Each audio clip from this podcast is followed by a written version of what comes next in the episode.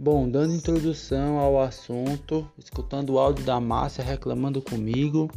Não sou obrigado, mas vou botar essa porra aqui. Filho, você tá fazendo porque você não quer. Ó pra aí, ó. Olha. editar, entendeu? Mandou eu fazer, tá dando tempo de pensar. Não vai dar não, tempo não, pô, vai não. Eu tô mandando áudios meus. Áudio vagabundo, mal dá pra escutar. Vai anotar. Hom- Homem, isso aí é pra me humilhar, pô. Vai dar tempo, vai dar 15 minutos. 15 minutos. Gente, eu me esforço, gente. Eu queria muito. Nossa, não vou nem falar nada, gente. Vou parar por aqui a gravação. Adeus, pra você ver como ela é.